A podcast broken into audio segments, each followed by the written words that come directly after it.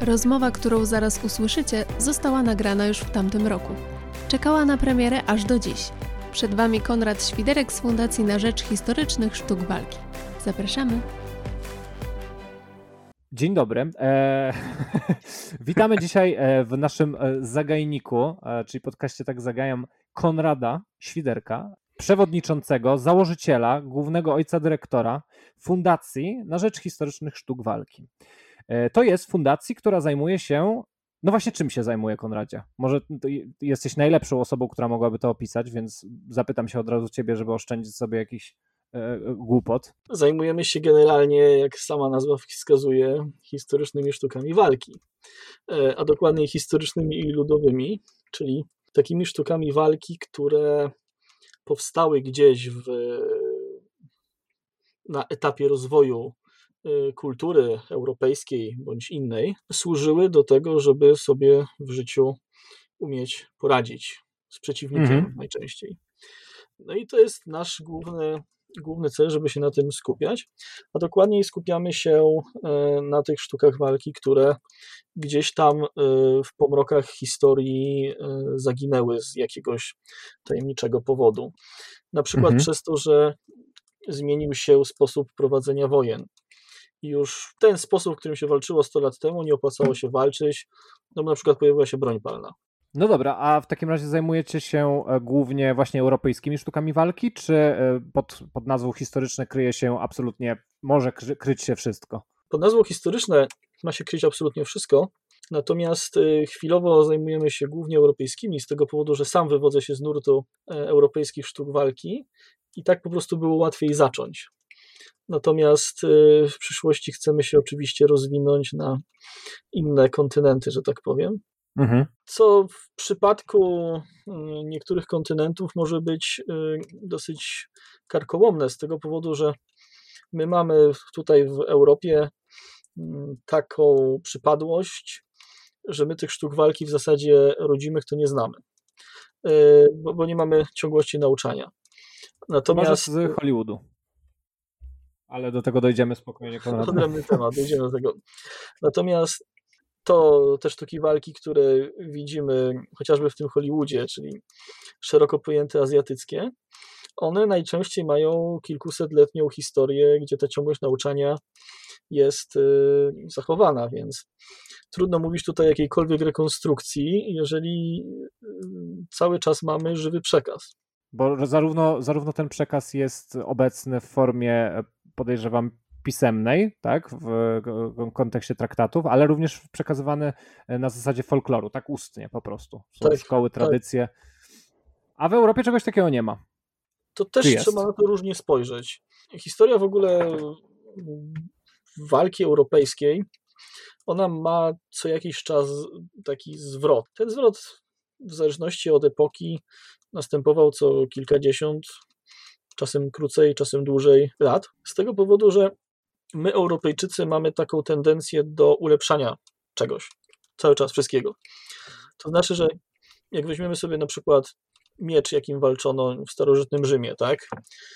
Krótki mieczyk z w zasadzie zarysowanym początkiem jelca. Ten mieczyk później we wczesnym średniowieczu już ma ewidentnie zarysowany jelec. To jest ta część, która jakby oddziela ostrze od y, rękojeści, mówiąc. Y, A tak, od razu spoiler, będziemy posługiwać się tutaj wieloma różnymi terminami, które będziemy prawdopodobnie od razu wyjaśniać.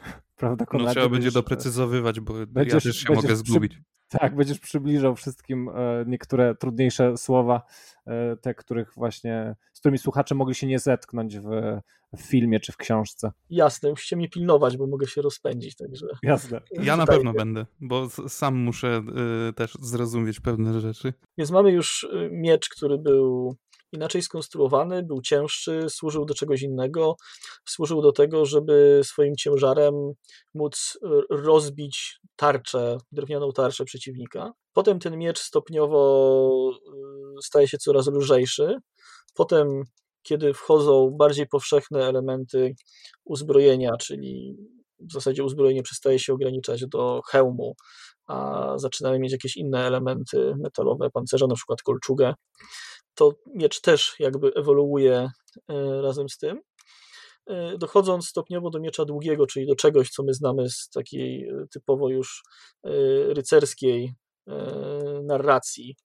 Mm, taki miecz, jaki nosili rycerze przy pasie. No i potem, jeżeli byśmy szli, to mamy różne typy mieczy na różnych przeciwników. Mamy takie ze zbroczem, czyli z takim wgłębieniem w środku ostrza, które, mhm. uwaga, nie służyło do tego, żeby krew po nim spływała. Ciekawe. E, tak, tylko służyło do tego, żeby go uelastycznić i odciążyć. Mamy miecz z e, granią lub ością, nie wdając się w szczegóły, zależy to też od mm, przekroju, jaki jest, e, czy będzie romboidalny, czy soczewkowy. Mhm. W każdym razie ta oś to jest taki wzgórek na ostrzu. Te miecze z kolei były sztywniejsze, to służyło usztywnieniu e, ostrza broni. I jakbyśmy ta... tak się dalej rozpędzili, hmm. to dojdziemy w końcu do broni już XVI, XVII, XVIII wiecznej, de facto mieczy, ale z cienkim ostrzem, z bardzo dużą rozbudowaną ochroną dłoni, czy to za pomocą kosza, czy za pomocą dzwona, z bardzo dużym jelcem, z pałąkiem chroniącym palce, e, czyli dochodzimy do rapierów to jest tak, oczywiście dokonując bardzo, ale to bardzo dużego skrótu myślowego, e, to jest taka ewolucja powiedzmy na przestrzeni tysiąca, jeżeli zaczniemy od wczesnego średniowiecza, e, jeżeli zaczniemy od Rzymu, to zdecydowanie dłużej e, lat i jakby każda taka zmiana broni wymuszała zmianę sposobu używania tej broni, no bo jednak używaliśmy czegoś innego. I teraz tutaj wracając do początku, jeżeli na przykład weźmiemy sobie Hiszpanię i źródła na rapier, no to z tym jest zdecydowanie lepiej, no bo rapier w użytku w Hiszpanii to jeszcze 200 lat temu to można powiedzieć, że tak dość spokojnie e, Ja był. tutaj się Tam... wkradnę i przerwę na chwilę i spytam cię, bo wpadło słowo źródła. To nie jest termin, który trzeba jakoś wyjaśniać, ale e, w kontekście met metodologii waszej pracy, znaczy pracy rekonstruktorskiej, bo można tak ją określić, e, jeżeli chodzi o działania fundacji. E, jak to jest z tymi źródłami? E, jak to wygląda w ogóle? W sensie, czy, czy właśnie budowa miecza w, i jego ewolucja jest, jest ją się w stanie wyśledzić również ze źródeł, czy źródła opisują tylko techniki walki? Jak to w ogóle jest? Tutaj wchodzimy w bardzo głęboką rzekę już, bo odpowiedź, jak w wielu przypadkach, już mi to zależy. Mhm. Na część rzeczy nie mamy źródeł. Nie mamy źródeł, dlatego że po prostu nie zostały spisane albo zaginęły y, w odmętach y, dziejów, w jakichś pożarach zniszczone. Tak, taki, taką sytuację mamy na przykład z taką wczesno-średniowieczną walką właśnie krótkim mieczem i okrągłą tarczą, gdzie mhm. rekonstrukcję tego można prowadzić poprzez y, próby przełożenia czegoś, co jest później, albo próby przełożenia pewnych treści, które są obecne w jakichś spisanych sagach o bohaterach, na przykład wikingów. Czyli to nie są tylko źródła takie graficzne, ale y, nie, można też wyciągać. Tekstowe, źródła tekstowe też są. Mhm. Albo po prostu z innych tekstów kultury, na przykład, nie wiem, malowideł, ceramiki. Później zaczyna się taki etap testowania, czy to działa, czy to nie działa, czy to ma sens i jest bezpieczne, czy jednak to, to co jest pokazane na jakimś malowidle na przykład, jest zbyt yy, ryzykowne i w zasadzie nie ma sensu tego używać. Trochę później jest zdecydowanie lepiej, z tego powodu, że już mamy traktaty, które są traktatami pisanymi, czyli mamy przekaz yy, nauk mistrza, który mówi, że kiedy dzieje się coś takiego, należy zrobić coś takiego, tak? I to jest działanie, które jest zgodne z kunsztem, czyli ze sztuką walki. Te traktaty, te traktaty są najłatwiejsze do w ogóle zanalizowania? Te tekstowe, czy, czy, czy te graficzne? Takie rysunki, czy, czy słowa? Znaczy, a to znowu zależy, bo czasami mamy sam tekst, czasami mamy y, same okazanie, czyli rycinę, a czasami mamy tekst z ryciną. E, mhm. To, że mamy tekst z ryciną, to wcale nie oznacza, że jest łatwiej, dlatego że czasami opis do ryciny jest e, skąpy, a czasami jest uzbudowany. Także to znowu zależy od e, źródła. Natomiast zdecydowanie łatwiej jest, jeżeli coś jest, co już jakby możemy dzisiaj współcześnie określić mianem podręcznika do używania broni. Okay. A, a powiedz mi jedną rzecz, czy wy współpracujecie z innymi fundacjami, w sensie europejskimi na przykład? Czy jakimiś stowarzyszeniami? Fundacja na Rzecz Historycznych Sztuk Walki i Stowarzyszenie na Rzecz Dawnych Europejskich Sztuk Walki Arma.pl można powiedzieć, że e, współpracują ściśle ze sobą, ponieważ nasi członkowie wywodzą się z jednej i z drugiej organizacji, e, chociaż mamy trochę inne e, cele działania, ale bardzo pokrywające się. Jednym z celów statutowych fundacji jest budowanie takiego pola wymiany doświadczeń pomiędzy różnymi grupami, różnymi organizacjami, które zajmują się tym samym co my, czyli zajmują się historycznymi sztukami walki, również w kontekście wymiany doświadczeń pomiędzy kulturami. Więc jeżeli będziemy mieli możliwość e, zrobić jakieś seminarium, na przykład z kimś, kto zajmuje się sztukami walki z Afryki, albo z Azji, albo z Ameryki, mówimy tutaj o rodzimych amerykańskich e, sztukach walki, które na pewno były, to wtedy bardzo chętnie w taką współpracę wejdziemy. Jeżeli chodzi właśnie, bo wymieniłeś e, to stowarzyszenie Arma.pl, e, tak. to jest również polskie stowarzyszenie, tak? Korzenie, Arma, korzenie Army sięgają z Stanów Zjednoczonych. Tam powstała Arma pierwotnie. My, można powiedzieć, że jesteśmy takim mm, samostanowiącym oddziałem nawiązującym tradycjami do tamtego stowarzyszenia w Stanach Zjednoczonych, ale w tej chwili e, całkowicie niezależnym, e, działającym na, znaczy jakby w systemie prawnym polskim, e, bez żadnych wpływów z Ameryki. Jesteście separatystami, albo jeszcze lepiej, jakąś odłamem kościoła, można tak powiedzieć. No to można nas tak określić. A... Barwy macie te same, można powiedzieć, że źródła, z których czerpiecie też są te same, ale organizacyjnie wygląda to zupełnie inaczej. Tak, dokładnie. Organizacyjnie jesteśmy rozdzieleni. Okay. A skąd pomysł w ogóle na fundację e, jako taką, żeby jeszcze w, e, w granicach tej army zrobić, zrobić coś, coś nowego? Znaczy to nie do końca w granicach army, raczej obok army. Obok army, no tak, tak. E, znaczy mm, stowarzyszenie miało pewne mm, swoje cele statutowe, które realizowało. Natomiast obok tego była potrzeba po prostu innej działalności. Zajęcia się taką działalnością bardziej promocyjną i bardziej chroniącą jakby historyczny charakter e, sztuk walki, co w naszym środowisku tutaj polskim zaczęło się w pewnym momencie trochę rozjeżdżać. I jakby z tego e, powodu powstał pomysł e, powołania organizacji, która ma jakby uzupełnić y, to, co robi stowarzyszenie, czyli y, głównie promowanie i, prowadzenie nauczania y, walki bronią. I to chcieliśmy uzupełnić przez kwestię jakby ochrony historyczności tego, co robimy, przez właśnie budowanie większej platformy do wymiany wiedzy, przez działania, które na przykład mają e, zwiększyć e, bezpieczeństwo e, treningów czy tam zawodów, przez działania, które zmierzają do tego, żeby na przykład zacząć sprawdzać takich, powiedziałbym, sposób już idący w kierunku naukowych metod, czy rzeczywiście na przykład uderzenia, które uważa się, że robiły krzywdę przeciwnikowi zakutemu w zbroję płytową, rzeczywiście by taką krzywdę robiły. Yy, czyli coś, czego stowarzyszenie nie miało w, swoich, yy, w swoim takim obszarze działalności. Czego ty się spodziewałeś, zaczynając przygodę z tą ideą? Znaczy, przychodząc do stowarzyszenia na naukę walki bronią. Spodziewałem się, że nauczą mnie walczyć bronią, mhm. ale w takiej konwencji, y, która kiedyś była konwencją na śmierć i życie, czyli nie jakiś tam sport polegający na tym, że ja zdobywam punkt wtedy, kiedy trafię cię szybciej, mhm. a to, że ty trafisz mnie pół sekundy później i normalnie byś mnie zranił, może wręcz zabił, y, to nie ma znaczenia, bo zasady sportowe mówią tak, że ja zdobyłem punkt, więc ja wygrywam. Takie coś mnie nie interesowało. Interesowało mnie rzeczywiście to, żeby y, nauczyć się takich technik, że przy założeniu, że miałbym ostry miecz i bym musiał wyjść cało z jakiejś e, potyczki.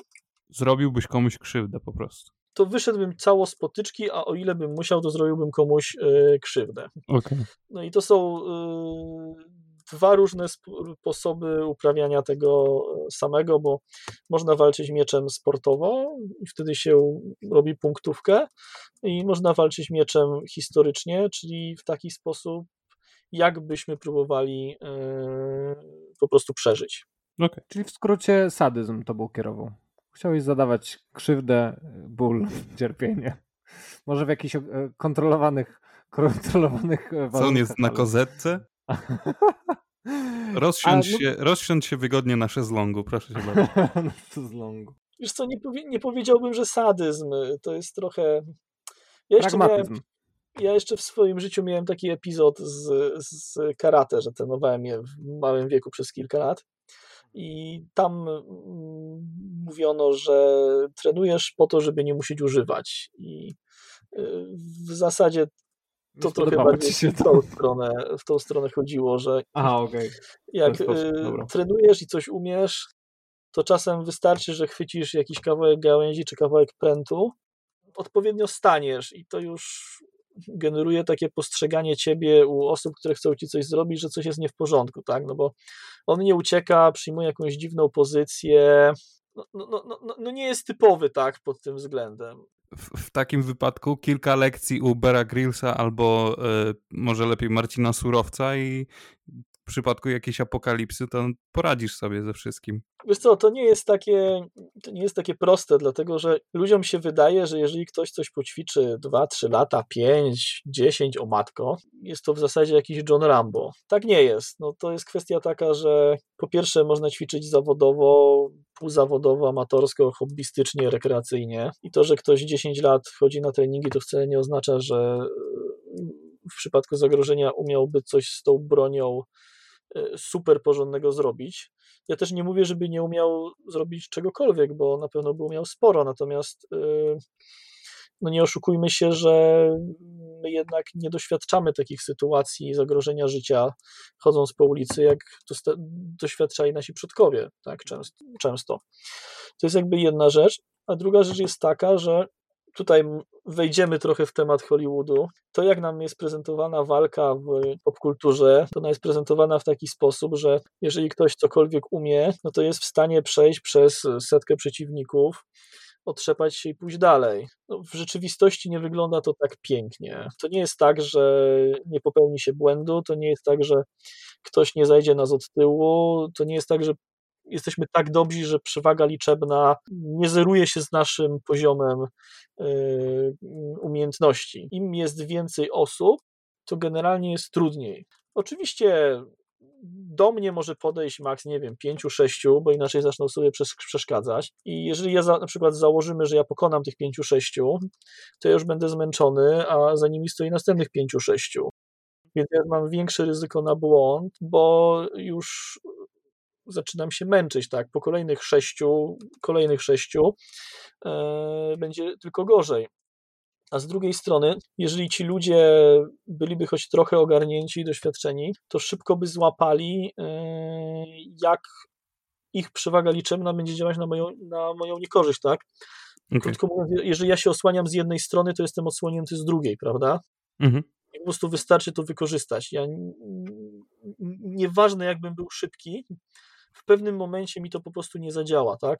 A już abstrahując od przewagi liczebnej, ale e, na podstawie obserwacji nawet pojedynków w takich formułach sportowych, czy to długiego miecza, czy, czy w ogóle szermierki, ilość dubli, to znaczy e, uderzeń w obu e, uczestników walki. To znaczy, a być może takie uderzenia mogłyby być nawet śmiertelne przy, przy walce bioronią białą.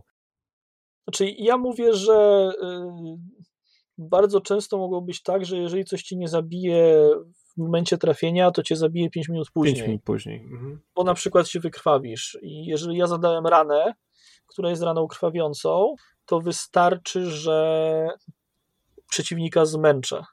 W sensie nie będę wchodził z nim w jakieś wymiany, y, będę pracował dystansem, będę się od niego odsuwał i po prostu poczekam, aż on osłabnie z powodu rany, tak? co się wcześniej czy później e, zdarzy.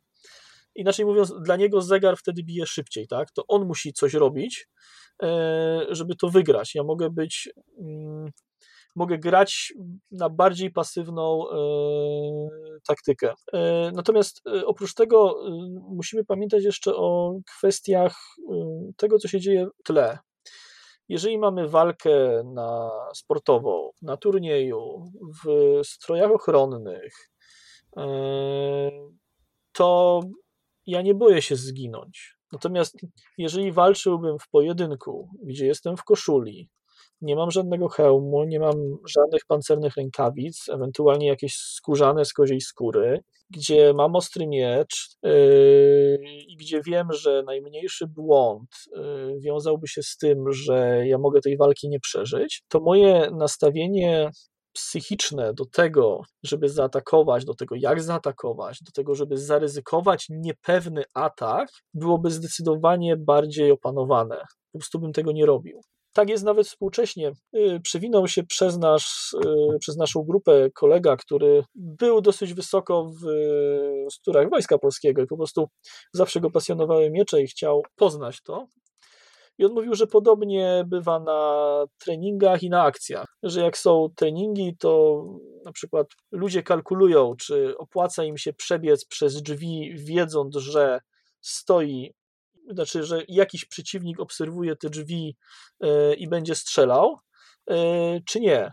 No i na treningach tego typu ryzykowne akcje, jak przebiegnięcie przez linię strzału, podejmuje się zdecydowanie częściej niż e, na prawdziwej akcji bo po prostu wiemy, że prawdziwa akcja jest na serio. No i to są takie warunki kurcze treningowe, których bardzo trudno, bardzo trudno jest je wcielić, tak? No tych prawie jest to niemożliwe, tak? No musielibyśmy trenować na ostrej broni, a przecież w, e, no, w, te, w tych realiach, w jakich się znajdujemy, no nie jest to możliwe. Przynajmniej. No i chyba nikt tego też nie chce, prawda? I nikt tego nie chce. Możliwe jak najbardziej jest i są ludzie, którzy to robią.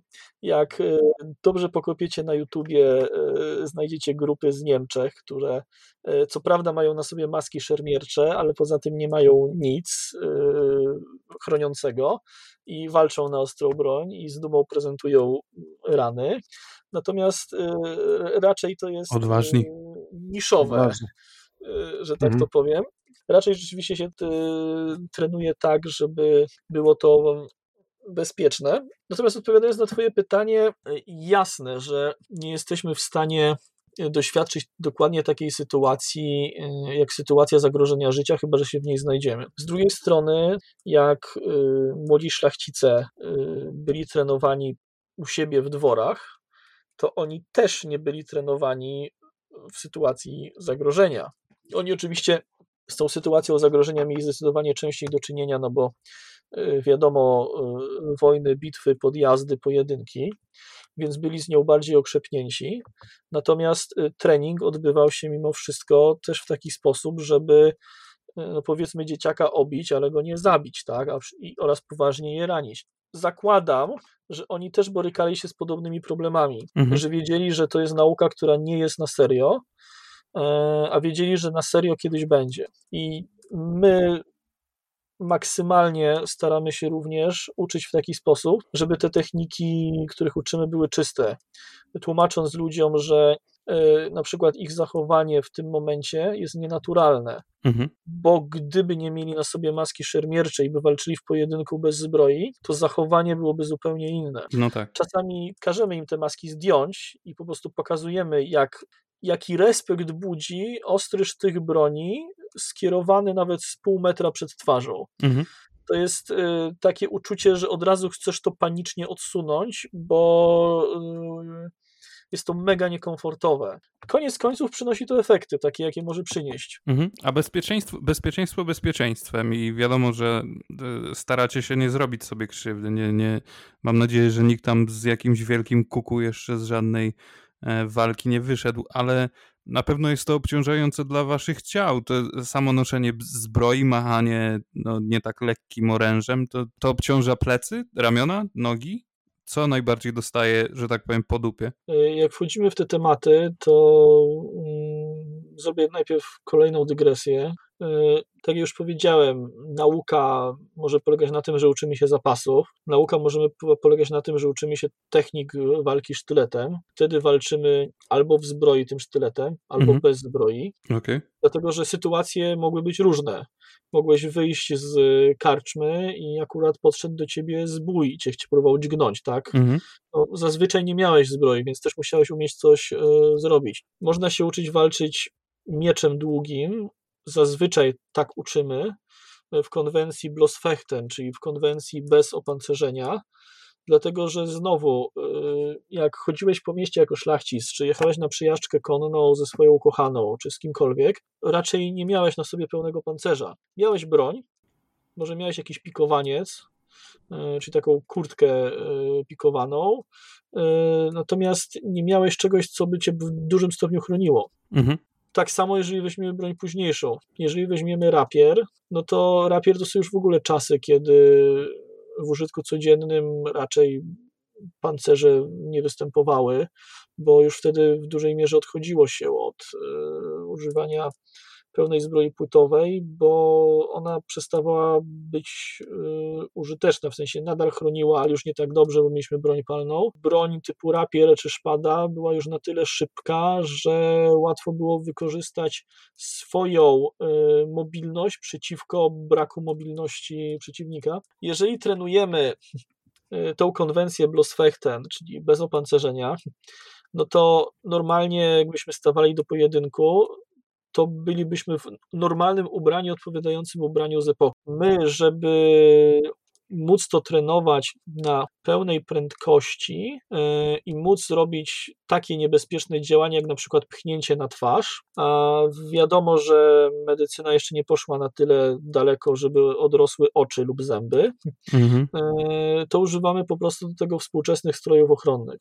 Okay. E, masek szermierczych, kurtek szermierczych, ochraniaczy do motocrossu, rękawic, które są zrobione z plastiku, mocnego plastiku ze sferami.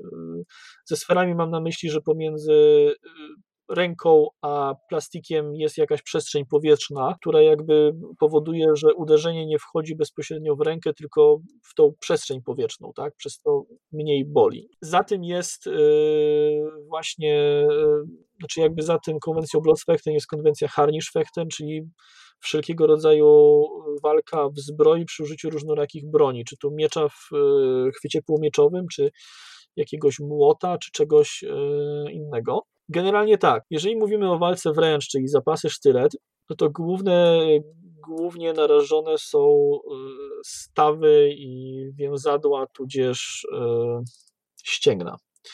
Ścięgna, dobrze mówię?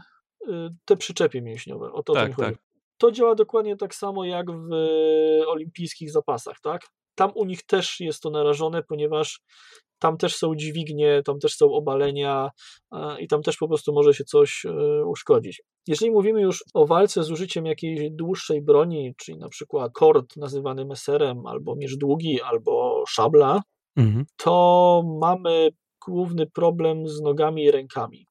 Y, z nogami, dlatego że jeżeli ktoś nie nauczył się dobrze chodzić, y, albo ma predyspozycję do tego. W ogóle czy w zbroi? Y, w walce. W walce. Okay. Albo ma predyspozycję do tego, że będą mu się robić takie kontuzje, powiedziałbym, wynikające z trenowania, no to zacznie mieć problemy z kolanami na przykład. E, co wielu ludzi ma, bo na przykład źle biega, więc najpierw pobiegają po betonie w nieodpowiednich butach, potem pójdą na trening, a po pięciu latach dziwią się, że im kolana siadają. Mhm. No a druga, druga rzecz, która powoduje mm, problemy, no to są ręce. Ręce dlatego, że y, przeciążenia od broni y, wchodzą w nadgarstki, wchodzą w łokcie, wchodzą w stawy. Mhm. Więc można sobie też wygenerować chorobę zawodową, że tak to nazwę, polegającą właśnie na tym, że się generują problemy typu przeciążenia w stawach, łokieć tenisisty i inne tego typu rzeczy. Oczywiście przy odpowiednim treningu, przy robieniu ćwiczeń kompensujących, można sobie ryzyko takiej kontuzji zdecydowanie zmniejszyć. A powiedz mi, a jakaś taka najbardziej, najstraszliwsza kontuzja, jaka może przydarzyć się w, w, tej, w tej aktywności? Wiesz co, ja podam przykład z olimpijskiej szermierki sportowej. Nie pamiętam, w którym to było roku. To było całkiem niedawno, przez całkiem niedawno, rozumiem, jakieś 20-30 lat. Tak mi się wydaje. To można wygooglać. E, dwóch przyjaciół chyba w walce o tytuł mistrza, czyli o złoto. E, jeden zabił drugiego. E, Zabił dlatego, że w momencie osadzenia, pchnięcia na kracie maski przeciwnika, broń pękła, ale nie pękła e, w sposób taki, w jaki zazwyczaj pęka, czyli mm, bez ostrego końca, powiedzmy, tylko pękła w taki sposób, że e, wygenerował się taki długi szpikulec. I ten Mhm. szpikulec był na tyle długi i na tyle cienki, że przez tą wąską kratkę maski szermierczej e, przeszedł i po prostu dostał się, jeśli dobrze pamiętam, przez oko do mózgu, tak? O kurczę. Strasznie niefortunny. Bardzo niefortunne. No, taki wypadek jest mi jeden znany, śmiertelny z y, historii szermierki sportowej. Ja też nie jestem specjalistą z historii szermierki sportowej, po prostu jest to case, który się opowiada z przyczyn dydaktycznych. E, Po tym wypadku oczywiście zmieniono metar, który się używa do produkcji broni, bla, bla, bla e, i tak dalej. Natomiast wypadek śmiertelny się zdarzył. I wypadek śmiertelny u nas też może się zdarzyć. Ja nie znam żadnego, A miecze często pękają w ogóle? to zależy od producenta, od tego, jak dobrze używasz. Powiedziałbym, że średnia żywotność broni to jest 2-3 lata. Ale zadam ci teraz pytanie, które wiem, że trapiło Wojciecha i być może o nim trochę zapomniał, ale y, postaram się mu je przypomnieć i tobie je zadać teraz. Co w momencie, gdy czysto hipotetycznie e, nowa osoba, przyszły szermierz potencjalnie, zjawi się na treningu, ale e, te kilometry, które odbył, e, tak jak powiedziałeś, były w e, krainie Tamriel bądź w jakimś innym fantastycznym wirtualnym świecie. I czysto hipotetycznie rzuci rękawicę em, wyszkolonym już szermierzowi. Czy są, ja wiem, że są, ale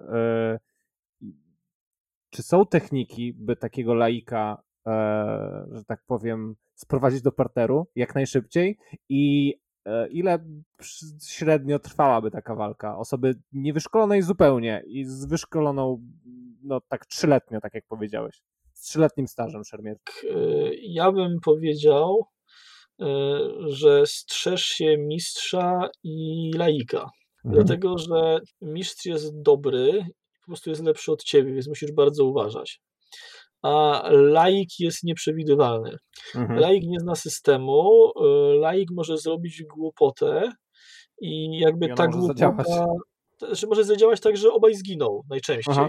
Mhm. E, ale to jakby nie jest to, czego oczekujemy od, e, od, od, od tego starcia. Jeden z późniejszych mistrzów, też już nie pamiętam, e, który, ponieważ to słyszałem na wykładzie u kolegi, mówił, że jeżeli chcesz być dobrym e, walczącym, to powinieneś równie często mierzyć się z przeciwnikami lepszymi od siebie, jak i nic nieumiejącymi Mhm. y, właśnie przez to, żeby nauczyć się, jakie dziwne rzeczy są w stanie wykonać ludzie z bronią, którzy nie znają systemu walki bronią. To tak mówię na zasadzie ostrzegawczej, e, żeby nie bagatelizować żadnego e, przeciwnika. Natomiast, y, no tak, w zdecydowanej większości przypadków wyszkolenie robi swoje. Yy, Tutaj nie chodzi tylko o to, że wiemy, jak zaatakować, nie chodzi o to, że my wiemy, kiedy zaatakować, ale przede wszystkim wiemy, gdzie zaatakować. I na przykład takiego laika można w dość prosty sposób yy, osłabić, yy, umiejętnie atakując nogi. Czego zazwyczaj przy doświadczonym szermierzu się nie robi, bo on po prostu zrobi na to odpowiednie przeciwdziałanie. Wyczuje ten atak i ten atak będzie totalnie bezsensowny, a nas odsłoni. Natomiast laik y, najczęściej widzi tylko górę. Więc jeżeli jesteśmy w stanie wyczuć bezpieczny moment, żeby go po prostu uderzyć po nogach, to można to zrobić. No i już uderzenie takie po nogach w jakiś sposób go osłabia. Sądzę, że raczej zakończyłoby się to dosyć szybko. Nie zakończyłoby się natychmiast, dlatego że y, pójście na natychmiast znowu często może się skończyć y, śmiercią dwóch osób. Każdego przeciwnika trzeba poznać i rozpoznać. Trzeba zobaczyć, co on robi, jak się zachowuje, czy ma jakieś takie y, tiki, które sygnalizują, że na przykład będzie atakował. My to nazywamy przyruchami, e, że widać, że się spina i bierze zamach. E, czy się odsłania, czy się zasłania, czy jeżeli sugeruje się atak, to on robi paniczny ruch, a czy robi kontrolowany. I dopiero kiedy to wszystko w pierwszym etapie starcia rozpoznamy, możemy przejść do jakiegoś takiego działania, które będzie już działaniem takim, które ma tę walkę zapoczątkować i zakończyć. Tego etapu bym nie pomijał u laika, właśnie przez to, że my wykonamy poprawny atak, a on zupełnie nie na ten atak nie zareaguje tak, jak powinien zareagować, żeby się chronić, tylko po prostu zrobi coś y, totalnie idiotycznego, nie wiedzącego nawet, że go to zabije, ale zrobi i przy okazji nas to zabije. Więc tego bym przy laiku tej fazy rozpoznania nie, y, nie ignorował, a wręcz przyłożyłbym do niej nawet większą wagę niż przy kimś bardziej doświadczonym. Przy kimś bardziej doświadczonym raczej możemy oczekiwać, że poziom dziwnych, nieszermierczych zachowań będzie zdecydowanie niższy. Tak, y, mnie jako mężczyznę interesuje, interesuje okay. odpowiedź na, na, na pytanie, y, je, jeżeli chodzi o żywotność y, przyrodzenia, czy jest zagrożona podczas takich e, walk? Wiesz co, oczywiście jest zagrożona, natomiast y, są dwie rzeczy, którymi mogę cię uspokoić. Pierwsza rzecz jest taka, y, mhm. że mężczyźni odruchowo to miejsce chronią. I generalnie w sztukach walki mówi się, że jeżeli chcesz zaatakować w to miejsce, to musisz rozproszyć uwagę przeciwnika. To znaczy, jeżeli ja na przykład chciałbym cię kopnąć w to przyrodzenie, wkroczę, to powinienem y, zaatakować cię najpierw ręką w okolice głowy, wyżej, tak? Żebyś ty się skupił na tej ręce i wtedy mhm. ja mogę próbować to miejsce trafić i jakby przebić się przez ten sposób naturalnej y, ochrony, tak? Y, natomiast mm, w zasadzie każdy trenujący ma powiedziane od pierwszego treningu, że powinien mieć suspensor, czyli y, taki element y, chroniący tamte miejsca i to chroniący dosyć y, solidnie. Trzeba mieć naprawdę dużego pecha, bo to też nie jest miejsce, w którym jakoś często się trafia. Trzeba mieć naprawdę dużego pecha, żeby jak już się zdarzy tam trafienie, żeby suspensor tego nie ochronił. Taka rzecz jest oczywiście możliwa, bo wystarczy po prostu, że wejdzie, że złamana broń wejdzie od strony pachwiny w kierunku po, po skosie, tak jakby wzdłuż nogi, tak? E, nie znam takiego przypadku e, na ten moment, natomiast znam mnóstwo przypadków e, kontuzji tamtych rejonów, czy to z bitew historycznych typu Grunwald, czy to z zajęć, które prowadziłem bądź widziałem, które wynikały po prostu z tego, że ktoś był chojrakiem. No jest to okay. ewidentnie przejaw no nie chcę mówić, że głupoty, bo motywacje są różne, tak? Niektórzy na przykład chcą być zgodni, zgodni historycznie. No ale czy taki suspensor ogranicza cię w, w ruchach? Nie, nie ogranicza. Zależy też od typu. Bo... To nie rozumiem, po co być chojrakiem też. Wiesz co, no niektórzy zajmujący się stricte rekonstrukcją historyczną yy, mają takie w tle gdzieś yy, zakodowane, że trzeba to robić jak najbardziej zbliżony sposób do tego, co było 600 lat temu. Więc skoro oni mieli lniane majtki, podwiązki czy coś, to ja też tak będę wychodził e, do pojedynków, do bitew. To są dopiero puryści. Tak, no jak mówię, nie oceniam. No, na mnie też ludzie mogą dziwnie patrzeć, bo ja chodzę i daję się posiniaczyć koledze, który właśnie mnie przez ostatnie pół godziny okładał stalowym prętem, tak? Potem zdejmuję koszulkę i mówię, patrz jak mnie tu żeś trzepnął, kurde, stary. On zdejmuje swoją i mówi, ale ty za to patrz, jak ty mnie żeś tu trzepnął, tak? Aż mnie wyprostowało. No też dla ludzi, którzy nie są w temacie, nie są w środowisku, może to być yy, trudne do zrozumienia. Rozumiem, dlaczego może to być trudne do zrozumienia. Zdecydowanie. No dobra, Konrad, a pogadajmy, cofnijmy się troszeczkę yy, i pogadajmy trochę więcej o tym środowisku. Jaka jest różnica między tym, co robicie wy w fundacji, a między tym, co możemy do, zobaczyć na yy, turniejach rycerskich? no to, to rzeczywiście musimy sobie ułożyć pewną siatkę pojęciową. Taka pierwsza rzecz to musimy sobie odróżnić ruch zajmujący się dawnymi europejskimi sztukami walki, czyli to, co robimy w armii, to, co robimy w fundacji, to czym ja się zajmuję, od ruchu rekonstrukcji historycznej.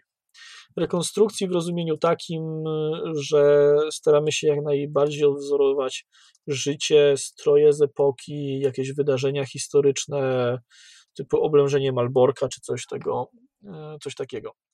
I teraz podstawowy problem jest taki, że my, zajmując się dawnymi europejskimi sztukami walki, jesteśmy nastawieni na jak najgłębsze, jak najlepsze, jak najbardziej realne y, zrekonstruowanie, odbudowanie systemu walki, który był w epoce, którą się zajmujemy, na przykład w średniowieczu. To znaczy, że my będziemy starali się wykonywać wszystkie działania, y, które wtedy normalny walczący by wykonał, obojętnie czy one są bezpieczne, czy są niebezpieczne. E, nie, przez niebezpieczne rozumiem kontuzjogenne. Oczywiście do pewnej granicy e, raczej nie robi się technik polegających na tym, że się uderza w bok kolana, dlatego że można po prostu człowieka zrobić kaleką na całe życie. E, natomiast gdybyśmy mieli możliwość takiego zabezpieczenia stawu kolanowego, który by nie utrudniał pracy nóg w walce, a jednocześnie pozwalał wykonać tę technikę, to byśmy zaczęli ją robić i jej uczyć. Dlatego na przykład uczymy pchnięć w twarz, bo mamy maskę, która w wystarczającym stopniu chroni yy, ważne elementy twarzy, jak oczy, zęby, nos. Yy, więc możemy sobie po prostu na to pozwolić. Yy, rekonstruktorzy historyczni mają jakby inne, inne ukierunkowanie. Oni chcą e, być zgodni z epoką. Zgodni z epoką w aspekcie kulturowym, w aspekcie wizualnym i tak dalej, i tak dalej. Natomiast e, przez to e, często, a w zasadzie najczęściej cierpi ich sposób walczenia. Dlatego, że jeżeli ktoś na przykład rekonstruuje wczesne średniowiecze, a w tym wczesnym średniowieczu hełmy miały odsłoniętą twarz, no to od razu techniki związane z pchnięciami na twarz nam odpadają. Jeżeli mamy. Żeby nie zrobić sobie żeby krzywdy. nie zrobić sobie krzywdy, dokładnie. A w epoce historycznej to właśnie do tego dążyłby przeciwnik, żeby zrobić drugiemu, dokładnie sobie tak, krzywdę. Jest... A teraz tak, wyjęcie z systemu walki, który ma, miał być spójny i nastawiony na zabijanie, elementu służącego e, e, zabijaniu, no po prostu nie działa. To robi się z tego wykastrowany potworek. Ja sam kiedyś przeżyłem takiego wykastrowanego potworka. Jak poszedłem na pewną y, imprezę w pewnej wiosce, y, y, gdzie był pokazywany jakiś okres. Taka typowa, taki typowy event, trochę strzelania z łuku, trochę tam jakiegoś picia miodu, rzucanie siekierkami w, w cel i tak dalej, i tak dalej. I był zorganizowany mini turniej. Był zorganizowany mini turniej na tak zwane bezpieczne miecze piankowe gołnały. E, no to fajnie, no to zajmujemy się walką na miecze, no to poprztykamy się z tymi e, amatorami, którzy tam przyszli e, na te gołnały. No i przytykanie skończyło się na tym, żeśmy przegrali, a żeśmy przegrali dlatego, że powiedziano nam, że nie można atakować w głowę. A cały nasz system opiera się, że atak idzie w kierunku głowy. Więc yy, ja albo trafiałem w głowę i nie miałem punktu, bo sędzia krzyczał, że nie można atakować w głowę, albo próbowałem zrobić coś naokoło, yy, i, I to nie wychodziło, bo po prostu mam zakodowane pewne yy, odruchy, które są nastawione na to, żeby zaatakować w tą głowę, więc bardziej walczyłem sam ze sobą niż z przeciwnikiem po prostu. No i ale jakby podaję to jako przykład, żebyście e, zobaczyli, co się dzieje, jak się wyjmie coś, co powinno działać z systemu. Mm. Po prostu on przestaje działać. Też, żeby się dobrze zrozumieć. E, ja uważam, że rekonstruktorzy historyczni odwalają przepiękną robotę. To, jak to wygląda w tej chwili, jaki oni zrobili postęp w ostatnich latach, to, jak wyglądają ich stroje, zbroje, zachowania, te wszystkie rzeczy rękodzielne, które można pójść na takich imprezach kupić, to jest naprawdę e, przecudowne, to jest rzeczywiście dziedzictwo w akcji, żywa kultura. Można poczuć chociażby na miastkę tego, jak to wyglądało e, wcześniej, tak? Natomiast system walki u nich kuleje, bo przy tych założeniach musi kuleć. Taka, taka po prostu jest prawda. U nas z kolei cała ta warstwa rekonstrukcyjna, którą oni mają pięknie dopracowaną, czyli stroje i tak dalej, kuleje, dlatego że mamy inne nastawienie. Nas średnio interesuje zgodność historyczna, nas interesuje nasze bezpieczeństwo. I znowu, skoro ochraniacze do motocrossu zapewniają mi bezpieczeństwo kolan i łokci yy, i nakładam je na przeszywkę, która powiedzmy jest zgodna historycznie, to mi to po prostu nie przeszkadza, tak? Bo ja dzięki temu mogę walczyć w sposób bardziej zbliżony do tego, jak uważamy, że walczyli nasi przodkowie. Czyli rezygnacja z autentycznych, historycznych e, elementów uzbrojenia pozwala na dobranie się do autentycznej i e, historycznej techniki. Mhm. W zależności od epoki, ale można tak to opisać. Bo znowu, jeżeli wejdziemy w przykład dotyczący walki w zbroi, no to zbroja siłą rzeczy jest już zabudowana, tak? Tutaj nie byłoby dużej różnicy pomiędzy osobą zajmującą się rekonstrukcją historyczną i jednocześnie dawnymi europejskimi sztukami walki. Powiedz nam w takim razie, bo to też jest interesująca sprawa, jak taki trening w ogóle wygląda od A do Z? Trening staramy się, żeby wyglądał jak najbardziej e, bezpiecznie, profesjonalnie. Czyli zaczynamy od rozruszania takiej typowej rozgrzewki, później jakieś ćwiczenia ogólnorozwojowe, później ćwiczenia które, jeżeli jest taka możliwość, to wiążemy z tym, co będzie na tej części treningu związanej z pracą bronią. E, czyli na przykład, jeżeli będziemy robić jakieś techniki związane z obaleniami, rozbrojeniami, no to będziemy, poćwiczymy sobie pady, trochę porobimy fikołków, tego typu rzeczy, żeby po prostu te partie ciała e, zaczęły pracować. Następnie mamy typowy trening z bronią, czyli uczymy się jakiejś techniki, jakiegoś działania. Jeżeli to są późniejsze grupy, takie, które już mogą sobie powalczyć, no to robimy jakiś taki etap, e, gdzie po prostu ludzie sparują. No i staramy się kończyć e, rozciąganiem, jeżeli starczy na nie czas. A jeżeli nie, to nie. No i, i, idziemy do domu i z uśmiechem przychodzimy na następny trening. To piękna rutyna. E, dobrze, to ja już to w takim razie ja przejdę do totalnej dygresji od czapy i zapytam cię o, e, o to, czy bo tak mi się trochę zdaje, mam, mam, takie, mam takie, e, takie przeczucie i być może mi je potwierdzić, bądź zaprzeczysz, zobaczymy, na pewno coś ciekawego z tego wyniknie. Czy XXI-wieczni rycerze, a przez rycerze myślę o ludziach, którzy zajmują się szermierką historyczną, rekonstrukcją historyczną, to geekowie? Nie chciałbym używać kwantyfikatora ogólnego, mówiąc, że wszyscy. Natomiast zdecydowana większość, tak. Zdecydowana mhm. większość ludzi, którzy przychodzą, to są ludzie, którzy wyrośli, tak jak ja zresztą, na czymś związanym z yy, machaniem bronią białą, najczęściej mieczem czy to książki, czy to filmy, czy gry RPG, czy gry komputerowe, czy po prostu, nie wiem, tradycja rodzinna, y, czy zamiłowanie do historii, no gdzieś ten aspekt się y, przejawia, aczkolwiek zdarzają się znikome liczby rodzynków, które na przykład przyszli z tego powodu, że podczas biegania im się nudzi, na siłowni im się nudzi, a potrzebują się ruszać i potrzebują w tym ruchu mieć coś, co zajmie ich intelektualnie, a nic nie zajmuje lepiej intelektualnie niż przeciwnik, którego trzeba wymyślić, jak zarżnąć, zanim on zarżnie nas. Ten cały rynsztunek, cała zbroja, e, miecz, czy cokolwiek, jaka inna broń, którą posiadał